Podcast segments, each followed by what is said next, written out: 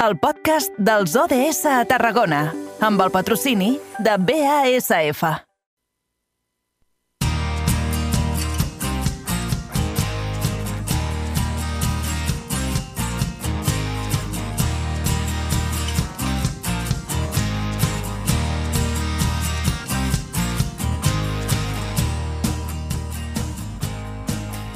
Hola, molt bona tarda. Major, Amb Eduard Virgili.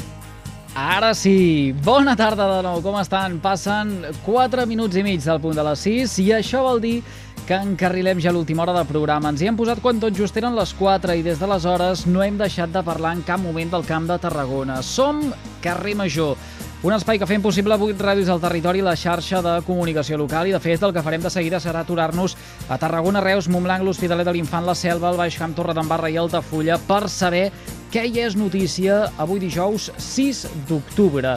Per ser, recordin, Protecció Civil de la Generalitat ha activat aquest migdia en alerta el Pla Inuncat per la previsió del Servei Meteorològic de Catalunya de pluges que poden ser intenses a partir d'aquesta nit i sobretot demà divendres.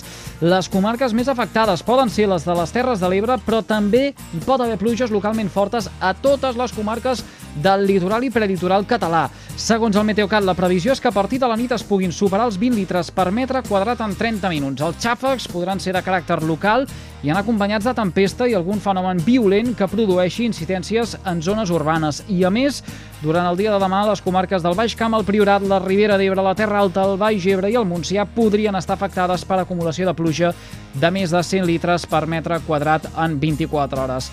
Si us plau, ho hem dit abans i no ens cansarem de recordar-ho, precaució en la mobilitat per les zones que es puguin veure afectades per aquest episodi de precipitacions, també en activitats a l'aire lliure, compten aparcar el vehicle a rieres o punts subterranis inundables, alerten creuar rius o rieres si baixen amb aigua, seny i sentit comú.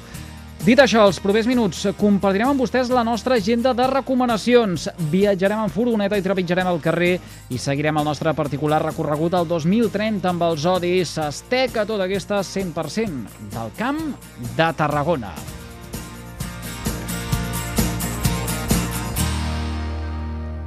Les realitats del Camp de Tarragona a Carrer Major.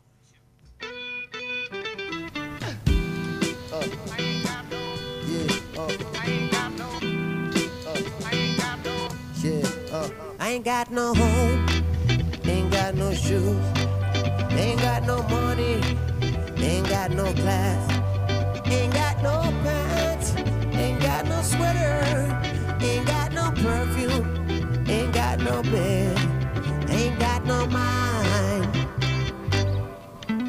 ain't got no father. Ens endinsem en aquesta darrera horeta de programa parlant d'aliances i del futur. És hora que ens endinsem en els ODS, els Objectius de Desenvolupament Sostenible. Així que saludem a la nostra companya de la nova ràdio, l'Angi Aramayo. Angi, bona tarda, bon dijous. Molt bona tarda, Eduard. Mirem cap al futur. Aliances per al futur. Correcte, l'últim ODS, el número 17. Sobretot parlarem de la tasca que estan realitzant diverses persones arreu del món per la defensa dels drets humans. Per això avui coneixerem el projecte Ciutats Defensores dels Drets Humans que s'ha celebrat del 3 a l'11 d'octubre a diferents municipis de Catalunya.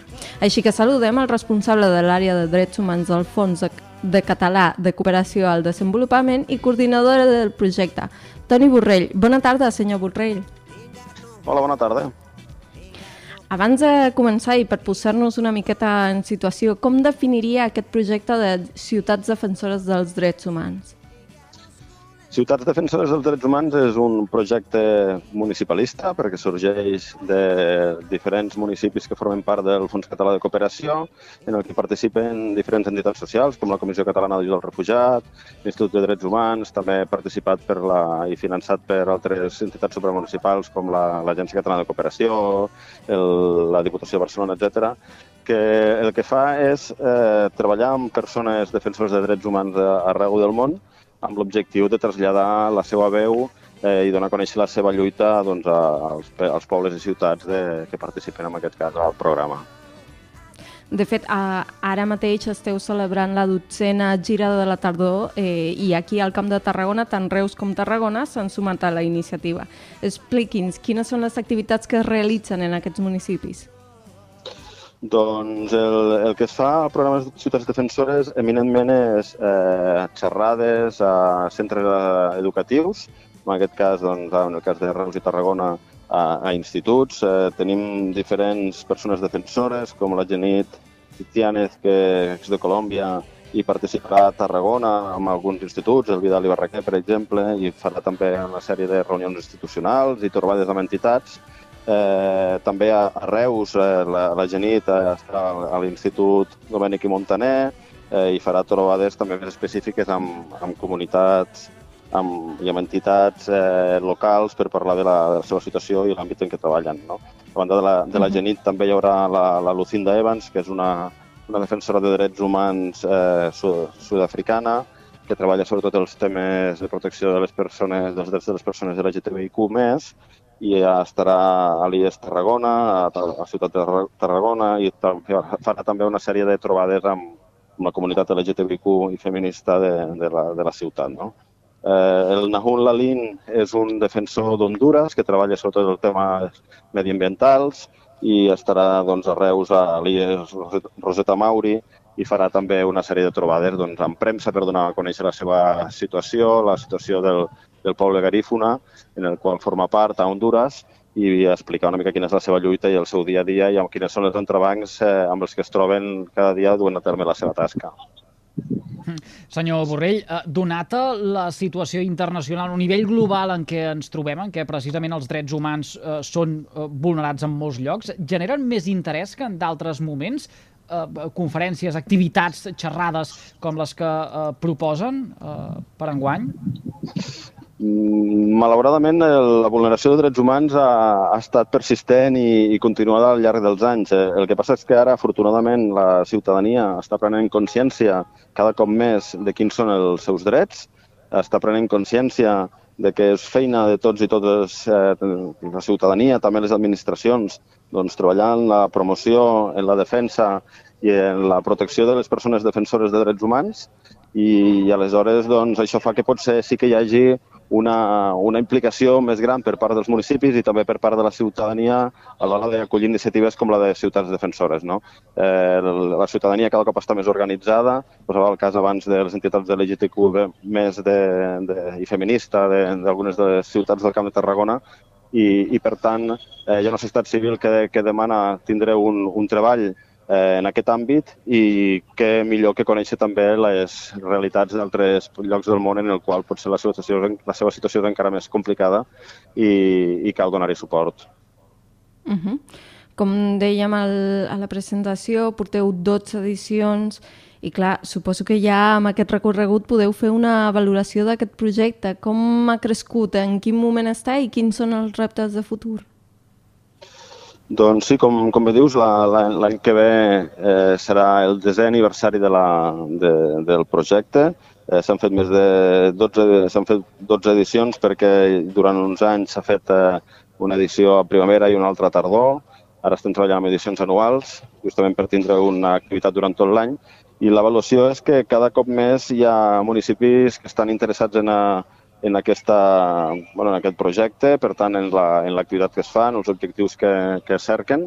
Eh, hi ha una, un interès gran per part de, de la, les persones amb les que es treballa especialment, que són les joves i els infants, de treballar en l'àmbit d'alguns drets concrets que els afecten a ells també com a persones i com a, com a persones humanes no? i que per tant tenen drets i, i per això animen doncs, als seus municipis, als seus ajuntaments a continuar treballant i a, i a participar en un projecte que és col·laborat amb entitats socials, no? com, com deia abans la, eh, el mateix Fons Català, que és d'àmbit municipalista, però també la Comissió Catalana al Refugiat, l'Institut de Drets Humans, l'ICIP, i això fa que aquest conjunt de, de, de treball, d'actors, que posen la, la seva tasca a disposició del projecte, eh, està molt valorat a, eh, tant per, pels propis participants com per les persones que reben després el missatge i sobretot per, per les defensores que són al, al capdavall eh, per qui es fa el projecte, no? qui valoren molt aquesta,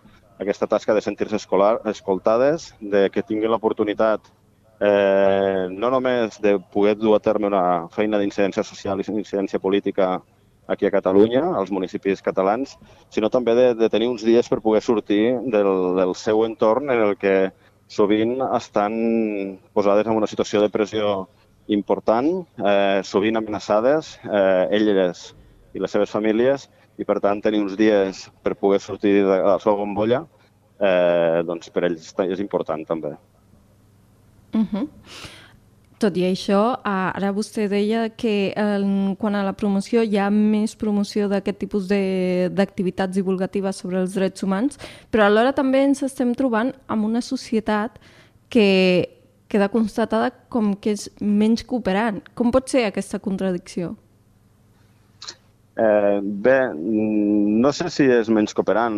A mi el que m'agrada pensar és que cada cop tenim una societat eh, més activa en la defensa de drets. Eh, cada vegada hi ha més col·lectius, eh, potser es fa de forma diferent del que es feia anteriorment, no? eh, en el que veníem d'un activisme potser més localista. Tenim, crec que un, un exemple molt clar en el cas de, dels els i les joves de treball en la defensa del, del medi ambient, no? el, el Fridays for Future, per exemple, o altres, o altres col·lectius com l'LGTBIQ que tenen realment una visibilitat molt àmplia entre els joves i, i crec que això es deu justament perquè hi ha una joventut mobilitzada i que venim d'una, afortunadament a Catalunya, d'una empenta molt gran d'una societat que es mou, que ha defensat els seus drets i s'ha organitzat. Aquí a Catalunya tenim aquesta sort que som una, una societat que eh, mous una pedra i et surten dos, dos organitzacions que, que treballen no? per millorar la, el seu barri, la seva comunitat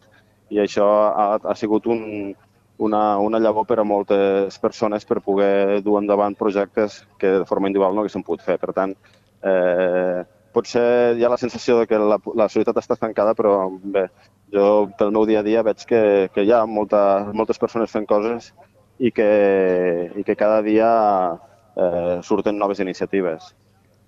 Senyor Borrell, uh, si fins al dimarts que ve algun dels nostres oients vol participar d'aquestes propostes que s'emmarquen en el projecte Ciutats Defensores dels Drets Humans, què, què és el que ha de fer, on s'ha d'adreçar?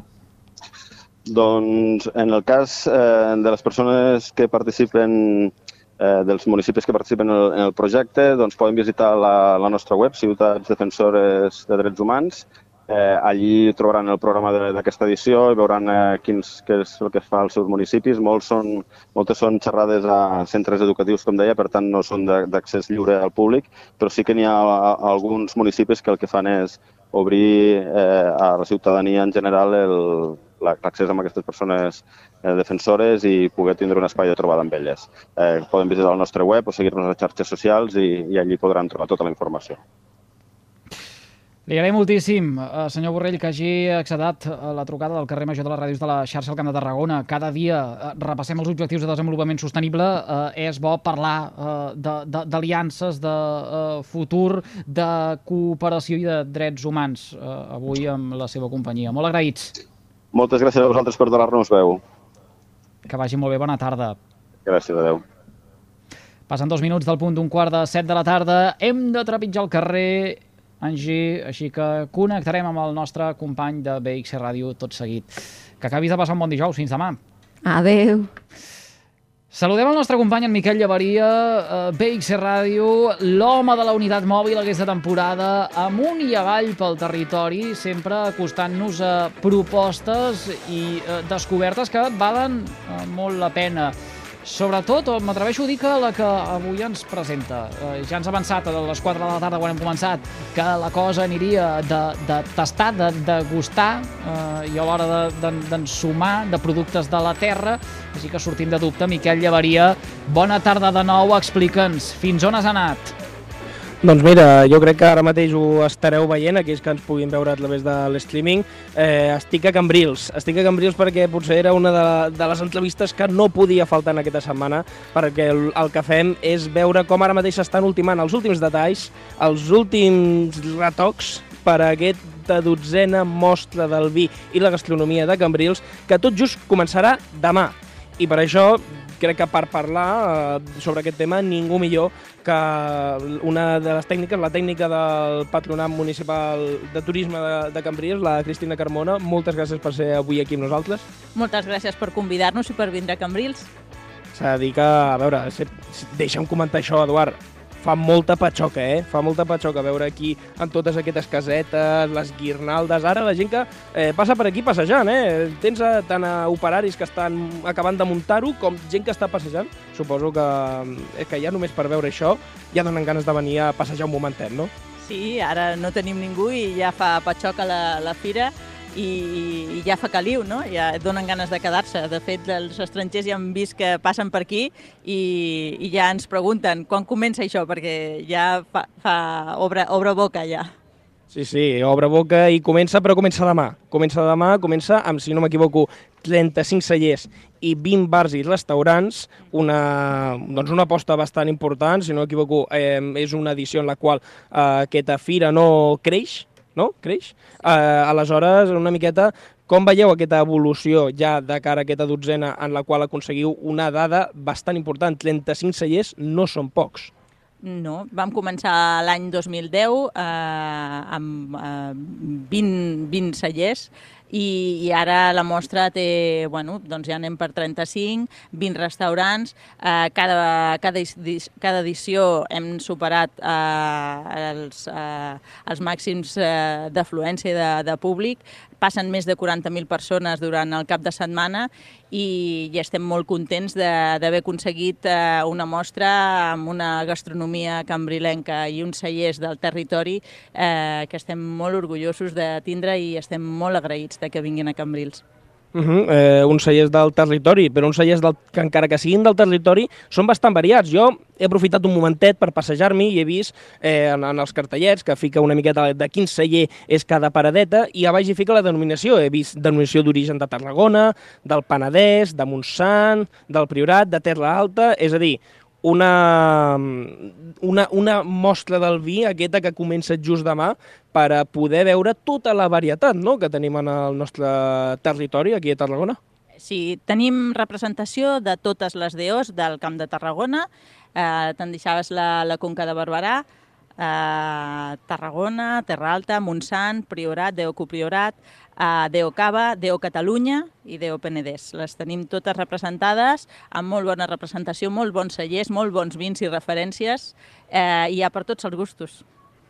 Doncs, és dubte, per a tots els gustos, per a que la gent pugui venir aquí, degustar-los, a la vegada també doncs, prendre alguna menjar alguna cosa, una miqueta, al final què, què és el que s'oferirà? Perquè no tan sols hi haurà les paradetes en les quals els cellers podran doncs, mostrar la seva producció d'enguany, si no, si no m'equivoco, també hi haurà algunes degustacions. Una miqueta la persona que vingui aquí eh, entre el 7 i 12 d'octubre, que és el que dura aquesta mostra del vi, eh, que és el que podrà eh, trobar doncs, a banda de, com hem dit, aquests cellers eh, que donaran a conèixer la seva, els seus vins eh, i els seus licors, vermuts, eh, i la gastronomia cambrilenca amb les seves tapes i, i degustacions gastronòmiques. Eh, doncs també hem preparat eh, 27 eh, pre, eh, degustacions, tastos o presentacions de vins a la carpa que tenim situada al costat de, de la barca.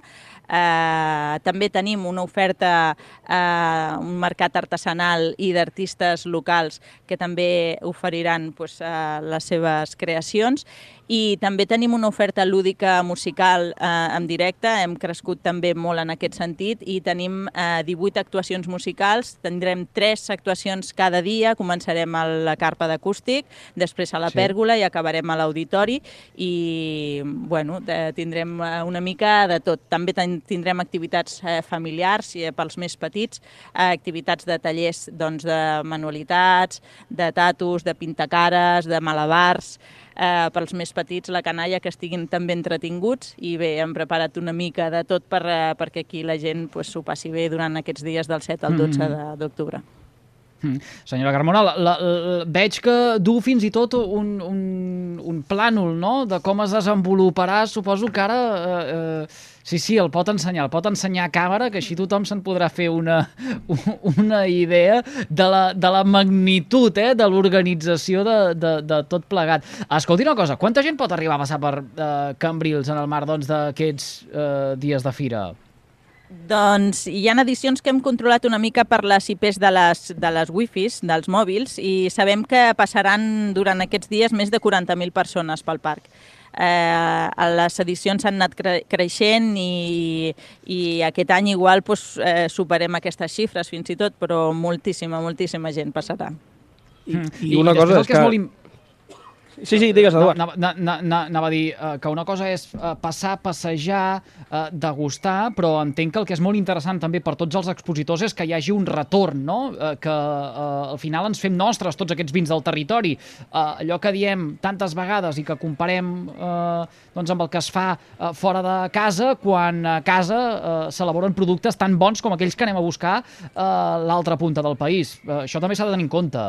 Sí, de fet, la filosofia de la fira d'aquesta mostra va, va néixer eh, amb aquest pensament, no? de, de donar a conèixer els, els vins del territori com el perfecte maridatge de la gastronomia cambrilenca, que ja és excel·lent a la zona.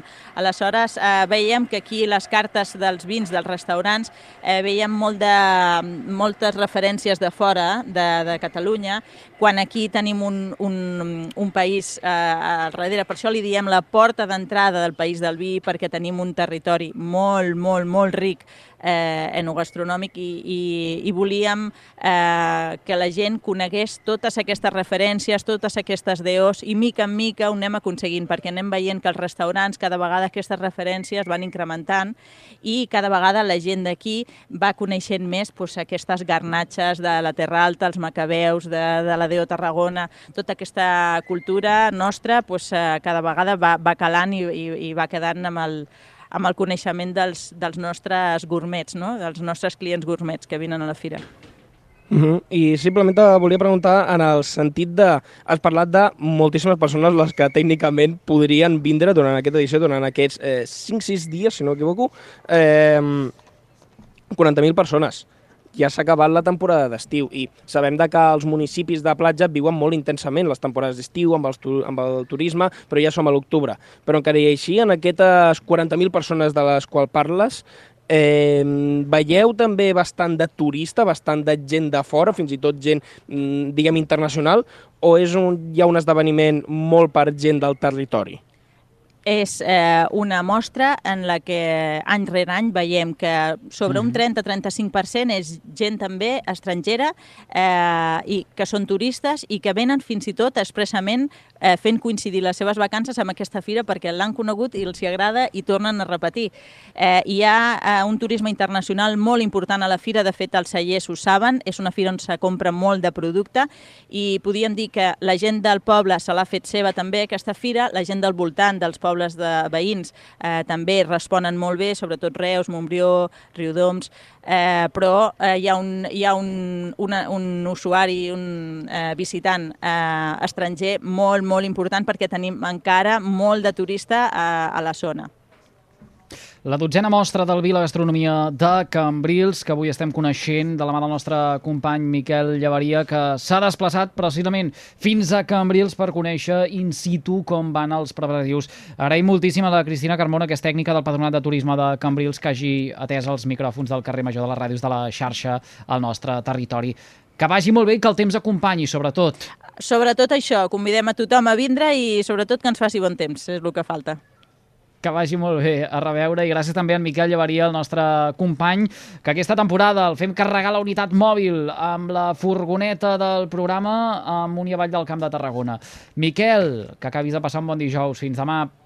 Sí, sí, acabem de passar un bon dijous. Sembla que per, a, per ara, avui, sí que s'està mantenint el temps, Sí, eh? Així que un bon sí, dijous sí. potser el passem. A veure el cap de setmana. Sí, a veure el cap de setmana, sobretot allò que dèiem ara tot just fa una estona, que és que Protecció Civil ha activat aquest migdia en alerta el pla inuncat per la previsió del Servei Meteorològic de Catalunya de pluges que poden ser intenses a partir d'aquesta nit i sobretot demà divendres. Així que eh, precaució, seny, sentit comú, no fer-se els eh, valents, eh, sobretot cuidar-se eh, i després eh, ja vindran les altres coses. Miquel, com te la tornada a casa? Vinga, ens veiem. A reveure. Dos minuts i arribem al punt de dos quarts de set de la tarda. Més actes per aquesta agenda que no para, una agenda que tenim completíssima en aquest espai. Ens aprovem ara als estudis de Ràdio L'Hospitalet de l'Infant perquè allí tenim qui precisament posa ordre en tota aquesta agenda de quilòmetre zero. Iri Rodríguez, bon dijous, bona tarda. Bona tarda, Eduard. Escolta, avui on ens portes? Doncs la recomanació d'avui marxem fins, fins a Valls perquè des d'avui fins al 8 d'octubre tenim el Festival Itinerant de Cinemes Africans de Catalunya. I perquè ens doni tots els detalls tenim a Jordi Cartanyà, regidor d'Acció Comunitària, Participació i Igualtat de Valls. Molt bona tarda. Bona tarda. Explica'ns una miqueta de què tracta aquest festival i com va sorgir. Mira, el festival, com bé has dit, és eh, el cinema itinerant de pel·lícules de mm, temàtica africana. Eh, aquest eh, festival és, és itinerant per tot Catalunya, és la primera vegada que es fa itinerant i nosaltres ens hi hem acollit i ho fem dintre el, els actes de dinamització del centre històric que treballem amb, de forma intergeneracional. No? És a dir, es tracta que a través del cinema a construir o ajudar a construir una societat més antiracista, intercultural i cohesionada, no? utilitzant el cinema com a fil conductor i de transformació social. Aleshores fem tres, eh, tres eh, dies en places diferents a l'aire lliure. També tenim un lloc tancat per si plou, perquè tots estem aquests dies si plou o no plou, doncs tenim previst per si plou un lloc tancat i abordarem tres eixos temàtics, un que són les migracions, un altre el colonialisme i un altre el feminisme. Uh, veurem doncs, uh, tres pel·lícules uh, uh, a partir de les 8 del vespre i uh, on hi està convidada doncs, tota la gent de Valls i la gent de, de totes les comunitats uh, de, del nord d'Àfrica que tenim nosaltres a, a la ciutat. Mm -hmm. Ens podries fer cinc cèntims de què, què és el que podrem veure en aquestes projeccions?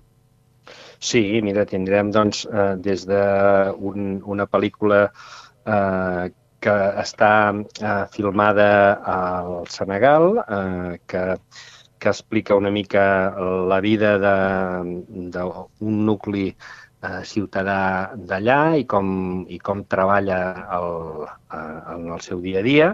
Després tenim una que parla de Guinea Equatorial des de la visió d'una persona que ha tornat, eh, que, que està a Galícia i ha tornat i, i estava allà i mm, afronta una mica el colonialisme que hi havia a Guinea Equatorial. Després eh, tenim una altra pel·lícula que està enfocada en el Mediterrani i els camps de refugiats, que vol una mica enfocar tot el que és el, el, la migració i per què la gent marxa i quins problemes té i com, com viuen doncs, tot aquest traspàs de, de, de, del mar i, i, anar d'una un, cultura a una altra. No? Des d'avui fins eh, dissabte, Festival Itinerant de Cinemes Africans de Catalunya, a la capital de l'Alt Camp, a Valls. Li agraïm, regidor, eh, que hagi acceptat la trucada del carrer Major de les ràdios de la xarxa al Camp de Tarragona. Ens anotem la proposta a l'agenda eh, i tant de bo que el temps acompanyi, si no, ja ha fet bé d'explicar que tenen eh, alternatives, plans B. Sí, sí, tenim un pla B totalment preparat per si algun dia ens plou, però bueno, esperem que no ens plogui, que puguem gaudir d'un cinema a la fresca i que puguem fer doncs, tertúlia un cop acabat el cinema perquè tindrem l'oportunitat de veure unes realitats diferents acompanyats de, de gent que ve d'aquestes realitats. No? Per tant, després el que serà molt interessant és fer el debat amb els veïns i veïnes de la ciutat i de la gent que vulgui venir de fora per conèixer aquestes, aquestes pel·lícules, de poder parlar doncs, gent de la comunitat doncs, senegalesa, gambiana, nord-africana, per, per veure com ells han vist també aquesta vivència de, de les pel·lícules i, i, i el seu dia a dia aquí, no? Jordi Cartanyà, regidor d'Acció Comunitària, Participació i Igualtat de Valls. Gràcies per explicar-nos-ho. Que vagi molt bé. Bona tarda. Gràcies a vosaltres per difondre-ho. Passen 3 minuts del punt de dos quarts de set. Arriba l'hora de l'informatiu de Carrer Major, el que fem possible 8 emissores de la xarxa al Camp de Tarragona. Iri Rodríguez, gràcies, com sempre, per ajudar-nos a enriquir l'agenda cultural amb propostes d'arreu del territori. Que vagi bé. Fins demà. Fins demà. Adéu. I ara venen l'Anna Plaça i l'Adrià Regasens amb les notícies més destacades de la jornada al nostre territori. Un servidor s'acomiada de tots vostès i els espera demà a les 4 de la tarda a la seva emissora de proximitat. Que acabin de passar un molt bon dijous. A reveure. Carrer Major. Totes les veus del territori. Passen 3 minuts a dos quarts de set. Comencem el tram informatiu de carrer Major, el programa que fem 8 emissores del Camp de Tarragona amb el suport de la xarxa de comunicació local. Des d'ara i fins les 7 us acompanyem l'Àlvaro Rodríguez, que està al control tècnic. Us parlem a l'Adrià Requesens i l'Anna Plaça.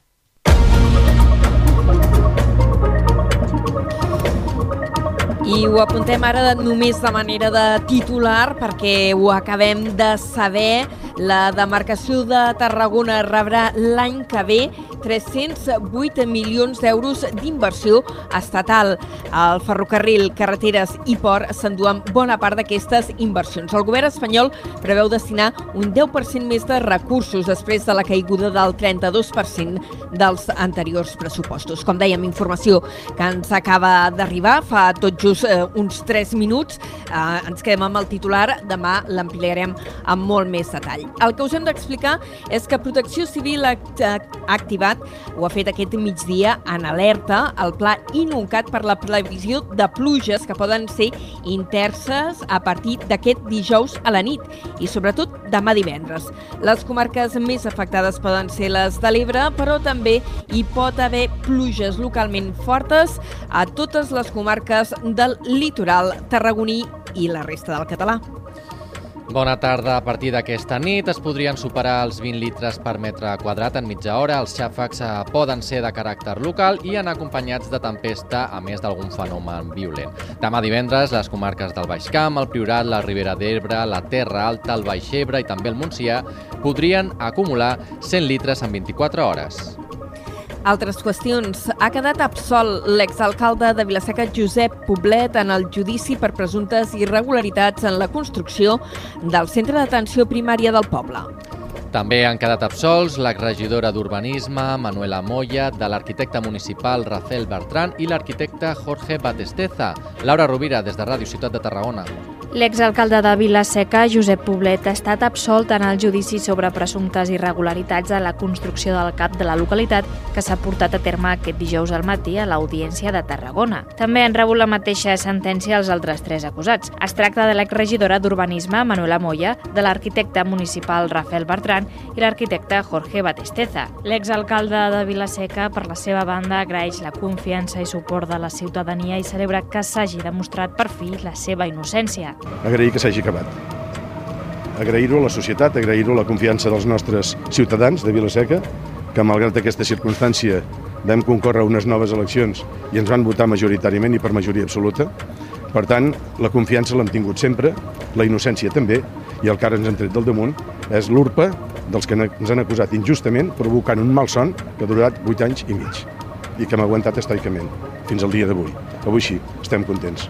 I ja no estem indignats, estem només contents. El judici s'havia d'allargar fins aquest divendres, però en la resolució de les qüestions prèvies, el jutge només ha permès acusar del càrrec de prevaricació, deixant fora els càrrecs de malversació, tràfic d'influències, blanqueig de capitals i falsedat documental que demanava l'acusació particular que exercia la CUP i que suposava fins a 10 anys de presó pels quatre acusats. Davant d'aquest escenari, el partit anticapitalista ha decidit rebutjar continuar amb el procediment. Moltes gràcies, Laura. Més qüestions. Ara parlant d'infraestructures, l'Ajuntament de Tarragona ha rebut amb satisfacció l'estudi d'impacte ambiental del tren tramvia. Aquest confirma que els tramvies no utilitzaran les vies del tren de DIF, sinó que es farà una línia segregada en ample europeu per unir Tarragona i Reus. Això va en la línia de les al·legacions que havia presentat l'Ajuntament de Tarragona que opta per una via en paral·lel a la Nacional 340 que permeti donar servei als barris de Ponent. Xavier Puig és el regidor de Territori. Per què és important que aprofiti el traçat de la Nacional 340? Doncs perquè és on viu la gent. I aquest és un dels ingredients fonamentals que li demanem al tramvia, que passi per allà on viu, treballa i estudia la gent. D'altra banda, Puig ha confirmat que estan treballant amb la Generalitat per definir la segona fase del tren tram que connectarà Tarragona i Reus. La, la voluntat del consistori és que tingui ramificacions que arribin a l'Hospital Joan 23, la Part Baixa i Sant Pere i Sant Pau. Seguim parlant d'infraestructures. El Port de Tarragona ha iniciat una nova fase dels treballs previs de la zona d'activitats logístiques. Es tracta del desviament del canal de drenatge que porta les aigües pluvials de Vilaseca i de les autovies A7 i C32 141B. Actualment aquest canal travessa l'espai natural dels Prats d'Albinyana, que el port s'ha compromès a restaurar com a compensació per la urbanització de la Sal. Les obres que han començat aquesta setmana serviran per desviar aquesta canalització del desguàs rodejant l'espai natural a protegir. Les obres duraran 8 mesos i costaran més de 9.000 euros. En paral·lel es continua treballant en la construcció dels accessos de la sal. El president del port, Josep Maria Cruzet, ha explicat en una entrevista a Radio Ciutat que s'estan complint calendaris i que a finals d'any vinent la urbanització de l'espai serà una realitat. El calendari és el que ens havíem fixat al començament, aquest final del 23, eh, començaments del 24, que és quan serà evident que físicament la, aquest milió de metres quadrats de la zona d'activitats logístiques estan urbanitzats i per tant poden acollir l'inici de les obres d'implantació de noves, de noves activitats. Aquesta serà una evidència. Passant per l'autovia de Tarragona a Salou doncs, serà vis visible aquesta, aquesta realitat. Cruzet ha destacat que l'obra més complexa dels mesos vinents serà la construcció de l'accés a la sal, amb un vial soterrat per sota la rotonda de la piconadora a la C31B, l'autovia de Tarragona cap a Salou. El sector del metall de Tarragona farà vaga. Serà el 24 i 25 d'octubre. Els sindicats UGT i comissions obreres han convocat l'aturada perquè consideren estancades les negociacions del nou conveni col·lectiu a la província. El secretari general de la UGT a Tarragona, Joan Llor, n'ha parlat aquesta mateixa tarda en una entrevista a Carrer Major. Ha detallat que s'han fet vuit reunions i que la proposta de la patronal és inassumible per als treballadors. Segons Llor, les empreses no volen incrementar els sous, tot i la pujada de l'IPC i, a més, plantegen la retallada de drets adquirits com que n'hi ha voluntat, doncs anem al conflicte, anem a una vaga, perquè, perquè clar, no podem estar amb un increment zero, amb uns seguiments que tenim de, de, de, de l'IPC del 9 o el 10%. No? no pot ser que ens vulguin absorbir a, a les pujades a, salarials, no pot ser que ens vulguin treure complements de les pagues extres o eliminar els topes d'antiguitat. El sector del metall dona feina a unes 20.000 persones a la demarcació de Tarragona. Al marge d'aquesta vaga, recordem que demà divendres UGT i Comissions Obreres han convocat una concentració al migdia a les portes de la Confederació Empresarial de la província de Tarragona a la Rambla Nova, coincidint a més amb el Dia del Treball Digne. I un apunt de política, una seixantena d'alcaldes i candidats de Junts a la demarcació de Tarragona demanen que el partit continuï al govern. Tots ells s'han adherit a un manifest que ja han signat també altres delegacions del partit, com la del Maresme. La notícia va transcendir ahir al vespre, a poques hores que comencés la consulta a les bases del partit, que servirà per decidir si la formació es manté a l'executiu de Pere Aragonès o trenca el pacte de govern. Entre els signants d'aquest manifest hi ha 35 representants de Junts i 24 de les Terres de l'Ebre. Una de les persones que en les darreres hores s'ha manifestat obertament a favor de Junts, que es mantingui el govern, és el president del port, Josep Maria Cruzet. Pel que fa al manifest, els signants de, demanen a la militància que voti a favor de seguir el govern per no trencar l'independentisme i prioritzar la unitat estratègica. Junts s'ha obert aquesta mitjanit la votació telemàtica i els afiliats podran votar fins divendres a les 5 de la tarda.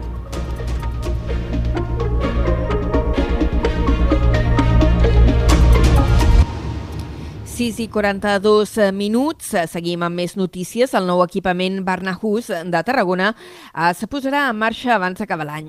Es tracta del Centre d'Atenció de Menors Víctimes d'Abusos Sexuals, que fa dos anys va començar a funcionar en unes instal·lacions provisionals a l'antiga laboral. La nova seu serà més gran i també estarà emplaçada al complex educatiu. El Barnaús eh, és un servei inspirat en un model nòrdic que permet oferir una atenció integral als infants i joves que han patit abusos sexuals. El centre de Tarragona és pioner a Catalunya. Des de que es van estrenar s'hi han atès 482 eh, casos, un 82% són de noies. El secretari d'Infància, Adolescència i Joventut, Alexis Serra, ha visitat avui l'espai acompanyat d'una delegació del Consell d'Europa. Ha destacat que el servei està funcionant bé, que hi arriben tots els casos que es detecten i que la majoria ja són al jutjat. Pràcticament 8 de cada 10 casos ja estan judicialitzats, cosa que també ens eh, permet veure que cada cop més estem eh, garantint l'èxit dels processos, també aquí el paper de Fiscalia té projectes en, en millorar tot el que és aquest procediment perquè eh, la, el, el tràmit de, de, la, de la derivació dels casos cap a lo que són els jutjats i la implicació de Fiscalia pugui ser amb el màxim de reixit possible. La crisi de subministraments s'ha endarrerit les obres de la nova Barnahus i el pressupost s'ha incrementat entre un 20 i un 30%. La Generalitat confia, però, que a finals d'any el nou centre estigui acabat. La voluntat és implantar aquest servei a totes les vegueries catalanes. Més notícies de l'àmbit social. El consum d'ansiolítics ha augmentat entre els adolescents tarragonins, mentre que baixa el de drogues. Són dades que apareixen en un estudi de la Universitat Rovira i Virgili que servirà a l'Ajuntament de Tarragona per desplegar accions preventives. Ens amplia la informació des de Ràdio Ciutat de Tarragona l'Àlvaro Rodríguez. Una enquesta de condicions de vida dels adolescents de Tarragona mostra com el consum de la majoria de substàncies entre la població d'entre 15 i 17 anys ha baixat significativament des del 2015. Aquesta és la tercera enquesta que es presenta a la Càtedra d'Inclusió Social de la URB, que també presenta algunes dades preocupants. Una d'elles és l'augment del consum dels tranquil·litzants i ansiolítics, que representa el 23% en les noies i el 13% en els nois, augmentant en 10 punts percentuals les dades de 2015. Precisament l'enquesta també mostra com de manera gradual està augmentant el consum generalitzat entre les noies. De manera no tan alarmant també s'ha detectat que l'edat de consum s'ha vist reduïda augmentant en un 2% els menors d'11 anys que proven l'alcohol. Com a novetat, aquesta enquesta ha incorporat l'escala SIUS validada a escala internacional que mesura l'abús d'internet. Aquesta exemplifica que un 38% dels adolescents tarragonins fan un ús compulsiu d'internet, per sobre del 22% en l'àmbit estatal registrat al 2018. Àngel Belsonegui, director de la Càtedra d'Inclusió Social de la URB, explica que l'escala no explica la intensitat de l'ús, sinó la relació de l'adolescent amb internet. No estem mesurant les hores que passen els nois i les, olles, i les noies a internet. No, no és una escala quantitativa, és una escala qualitativa. Estem preguntant 14 petites preguntes. Per exemple, doncs, és si se troba nerviós o nerviosa si passa una hora sense estar connectat a internet. L'enquesta també identifica els factors principals de protecció, entre els quals es troben l'alta autoestima, l'acceptació del físic o l'alta implicació parental. Tanmateix, els factors de risc més preocupants són la ideació suïcida, haver patit abús sexual, el malestar emocional o tenir un millor amic que consumeixi. Són tres eh, quarts de set. El casc antic de Reus comptarà amb un nou sistema de recollida selectiva de residus a milles emergents. Es posarà en marxa dilluns vinent, el 10 d'octubre. Aquest sistema funciona amb uns remolcs tancats que s'instal·len al carrer només durant unes determinades hores del dia. En aquest cas, des de les 7 de la tarda i fins a les 11 de la nit. A Reus, en una primera fase, hi haurà tres illes emergents amb contenidors per a orgànica, envasos, paper, vidre, resta, olis vegetals i tèxtils. Seran a la plaça del Teatre, la placeta dels Argents i a la plaça Evarís Fàbregas i Pàmies. Els contenidors soterrats que hi havia en aquestes zones es tancaran i quedaran fora d'ús. La voluntat del consistori és anar estenent aquest model d'illes emergents pel nucli antic de Reus. Els comerços continuaran amb el sistema porta a porta de la brossa comercial. I Tarragona acollirà demà divendres l'acte de lliurament de les Flors d'Honor de Fil de Viles Florides 2022. Es tracta d'un projecte de la Confederació d'Horticultura Ornamental de Catalunya que premia els municipis que treballen per la transformació verda dels espais públics. A Tarragona s'espera la presència d'unes 300 persones de més de 160 localitats catalanes. Roger Parcerisses, responsable de promoció turística de Viles Florides, ha destacat en una entrevista al programa Carrer Major el bon nivell pel que fa a l'enjardinament i zones verdes urbanes en alguns municipis del Camp de Tarragona. El Camp de Tarragona eh, i les poblacions com Tarragona, Salou, Vilaseca, Reus, Riudoms... Eh, hi ha una conscienciació i una manera de fer molt interessant que el jurat determina que, que, que, que, hi ha, que hi ha aquesta voluntat i aquesta motivació de millora i del final de fer una ciutat i uns pobles més, més agradables per la gent que us visita, però no ens oblidem mai també, sobretot per la gent que, per la gent que hi viu. La jornada començarà al matí amb visites turístiques per Tarragona i acabarà amb la festa d'entrega dels guardons. L'acte tindrà lloc a partir de dos quarts de sis de la tarda i es farà al Camp de Mar per la previsió de pluja. Seguim amb més notícies de l'àmbit municipal. L'Ajuntament de la Selva del Camp ha aprovat el compte general de l'exercici passat. La proposta, entrada per via d'urgència en un ple extraordinari celebrat aquest dimarts, ha tirat endavant amb els vots a favor dels socis de govern i la negativa dels grups de l'oposició. Des de Ràdio La Selva ens amplia la informació l'Antonio Mellado.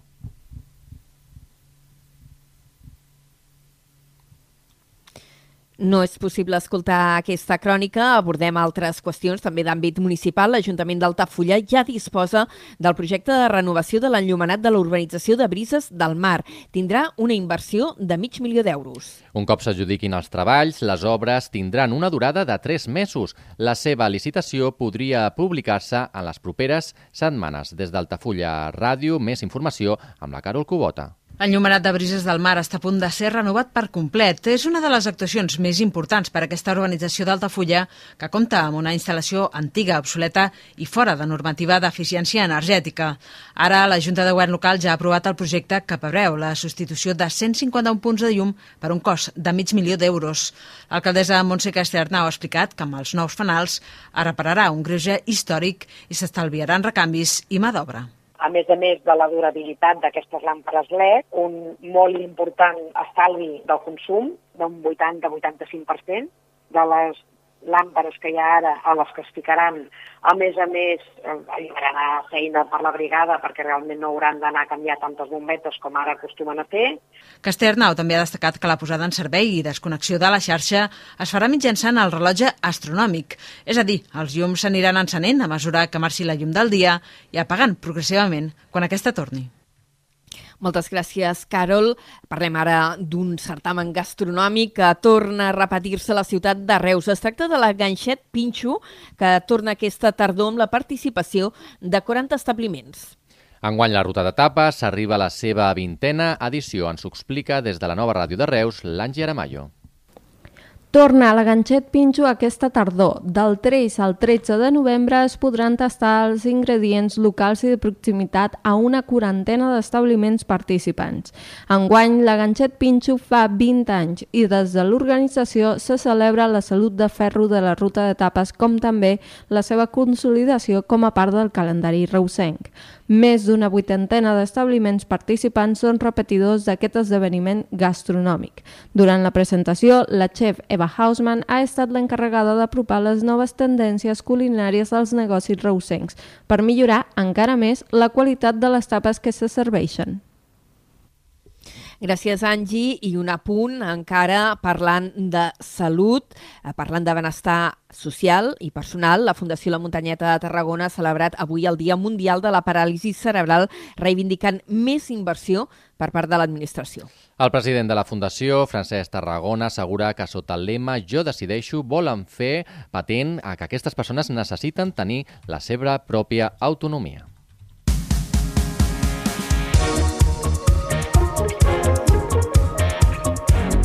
9 minuts eh, per les 7 de la tarda. Aquesta sintonia ens porta a parlar d'esports. Més de 1.100 gimnastes d'una seixantena de clubs participaran al sisè Trofeu Ciutat de Reus de Gimnàstica Rítmica que es disputarà, disputarà volem dir, aquest cap de setmana al pavelló olímpic reusenc. La competició l'organitza la secció de rítmica de l'Associació Esportiva per a Manyanet amb el suport de l'Ajuntament. En aquesta edició hi haurà gimnastes de 8 comunitats autònomes.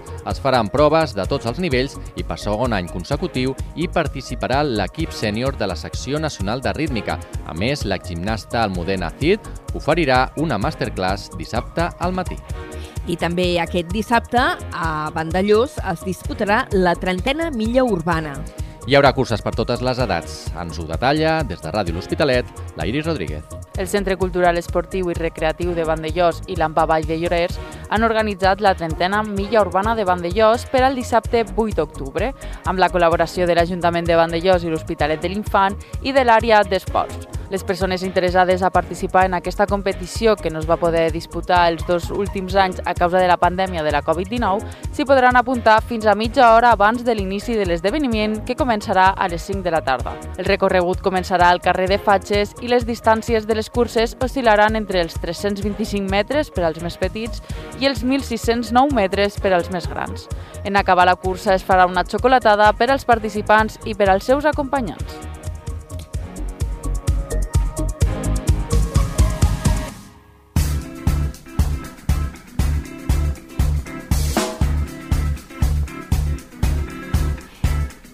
Parlem ara de cultura, ho fem primer de tot situats a Reus, que viurà la 24a edició del Festival Internacional de Moviment i Teatre Gestual, el COS, del 21 al 23 d'octubre. En total s'han programat una dotzena d'espectacles, tal com ens explica des de la nova ràdio de Reus, Sant David Fernández. Dels 12 espectacles del cos d'enguany, 7 són de dansa, 4 de gest i un és itinerant. D'entre les companyies programades, la majoria a l'aire lliure en espais com la plaça del Mercadal o la Patacada, hi ha Expensart, el duet Clementín Telesfort, Estoctoma, Marquelinya o el col·lectiu local Fil de Guà. Enguany també s'estrena La Palma com a escenari amb un espectacle de la Mujer del Carnicero pels més petits. Per la seva banda, la clausura anirà a càrrec de la coordinadora d'escoles de dansa autoritzades de Reus i tindrà lloc al Teatre Bertrina. Tots els espectacles seran gratuïts menys la gala de dansa del Premi Internacional Roseta Mauri al Teatre Fortuny, que es farà coincidir amb el cos. Daniel Requesens és el regidor de Cultura de Reus. És un festival que absolutament consolidat, un festival eh, que ha tingut diguem diferents moments pel que fa a continguts tant quantitatius com qualitatius i que va eh, recollint, recuperant eh, tota aquesta estela, però afegint-hi eh, aquesta aposta, diguem-ne, per assegurar també la presència del, del talent local. A banda, també s'han programat unes jornades per a col·lectius amb necessitats especials entre el 17 i el 21 d'octubre i un taller de moviment creatiu per a alumnes de primària pel mes de novembre. Moltes gràcies, David. I a Valls ha desvetllat ja la programació de la Fira de Santa Úrsula, que començarà la setmana vinent, el 14 d'octubre. Enguany la novetat serà l'acte de cluenda de la Fira a la plaça del Pati, que comptarà amb l'ambaixadora dels xiquets de Vall, Pilarín Vallès. Ens informa des de BXC Ràdio el Miquel Llavaria. La programació de Santa Úrsula s'ha desvetllat ja de cara a la seva celebració entre el 14 i el 23 d'octubre. La fira comptarà amb un format que torna a la normalitat prepandèmica amb la Fira de la Canalla a la plaça del Quarter amb l'actuació de la companyia de Cic Passa Barret, el 30è aniversari també de la recuperació del Ball de Bastons i el desè del Bou de Baix o el Correfoc de Santa Úrsula del dia 22 seran algunes de les activitats. La regidora de Cultura de l'Ajuntament de Baix, Laia Castells, destaca com a novetat d'enguany l'acte de cluenda de la fira que es durà a terme al pati, en presència de l'ambaixadora dels Xiquets de Baix, Pilarín Vallès. Hi haurà una festa de cluenda de la Fira de Sant Úrsula. Abans el final de Sant Úrsula cada com molt diluït i ara hem volgut que també tingui, així com hi ha la inauguració, hi haurà una cluenda que serà al pati, hi haurà un concert de gralles, un espectacle de circ, focs d'artifici i la desenfaixada de l'escultura del casteller, que anirà a càrrec de la il·lustradora i l'ambaixadora dels Xiquets de Baix, Pilarín Vallès. I com no pot ser d'altra manera, l'acte més esperat es durà a terme el diumenge 23 amb el duel de les colles castelleres ballenques a la plaça del Blat. Moltes gràcies. I una altra cita, la Sala Trono inicia temporada de tardor amb una estrena a Catalunya, als Tardigrats. És una comèdia postapocalíptica del valencià Pablo Díaz del Río. Álvaro Rodríguez, des de Ràdio Ciutat de Tarragona. És l'any 2050 i ja no hi queda vida a la Terra, excepte per dos petits tardígrads, uns animals microscòpics de 8 potes i amb una cutícula que muden regularment. Aquesta és la premissa dels tardígrads, l'aposta de la Sala Trono per començar la nova temporada de tardor-hivern de 2022. Després de les projeccions especials de Santa Tecla que van reposar les bones intencions i les coses excepcionals, la Trono es prepara per donar el tret de sortida d'una programació que aposta novament pel teatre contemporani. Joan Negrier, director de la Sala Trono, valora molt positivament la rebuda del públic en aquestes dues representacions i es mostra esperançat que es mantingui durant tota aquesta temporada. Els tardígrads serà estrenada a Catalunya aquest divendres i es porta una narrativa postapocalíptica. Negrier apunta que aquesta és una temàtica molt present en aquesta temporada. Existeixen o resileixen en un futur distòpic a la, a la Terra i que també és cert que hi ha una programació, hi ha un parell d'espectacles tres que parlen com una miqueta d'aquest futur, d'aquest canvi climàtic que se'ns acosta, d'aquesta uh, apocalipsi no? que, que estem generant els humans no? cap, a, cap, a, cap on estem anant. Els tardígrads es podrà veure el 7 i 8 d'octubre a la platea del Metropol per 18 euros. Els menors de 30 anys podran adquirir entrades a 10 euros a taquilla com a aposta pel públic jove d'aquesta temporada a la Trona.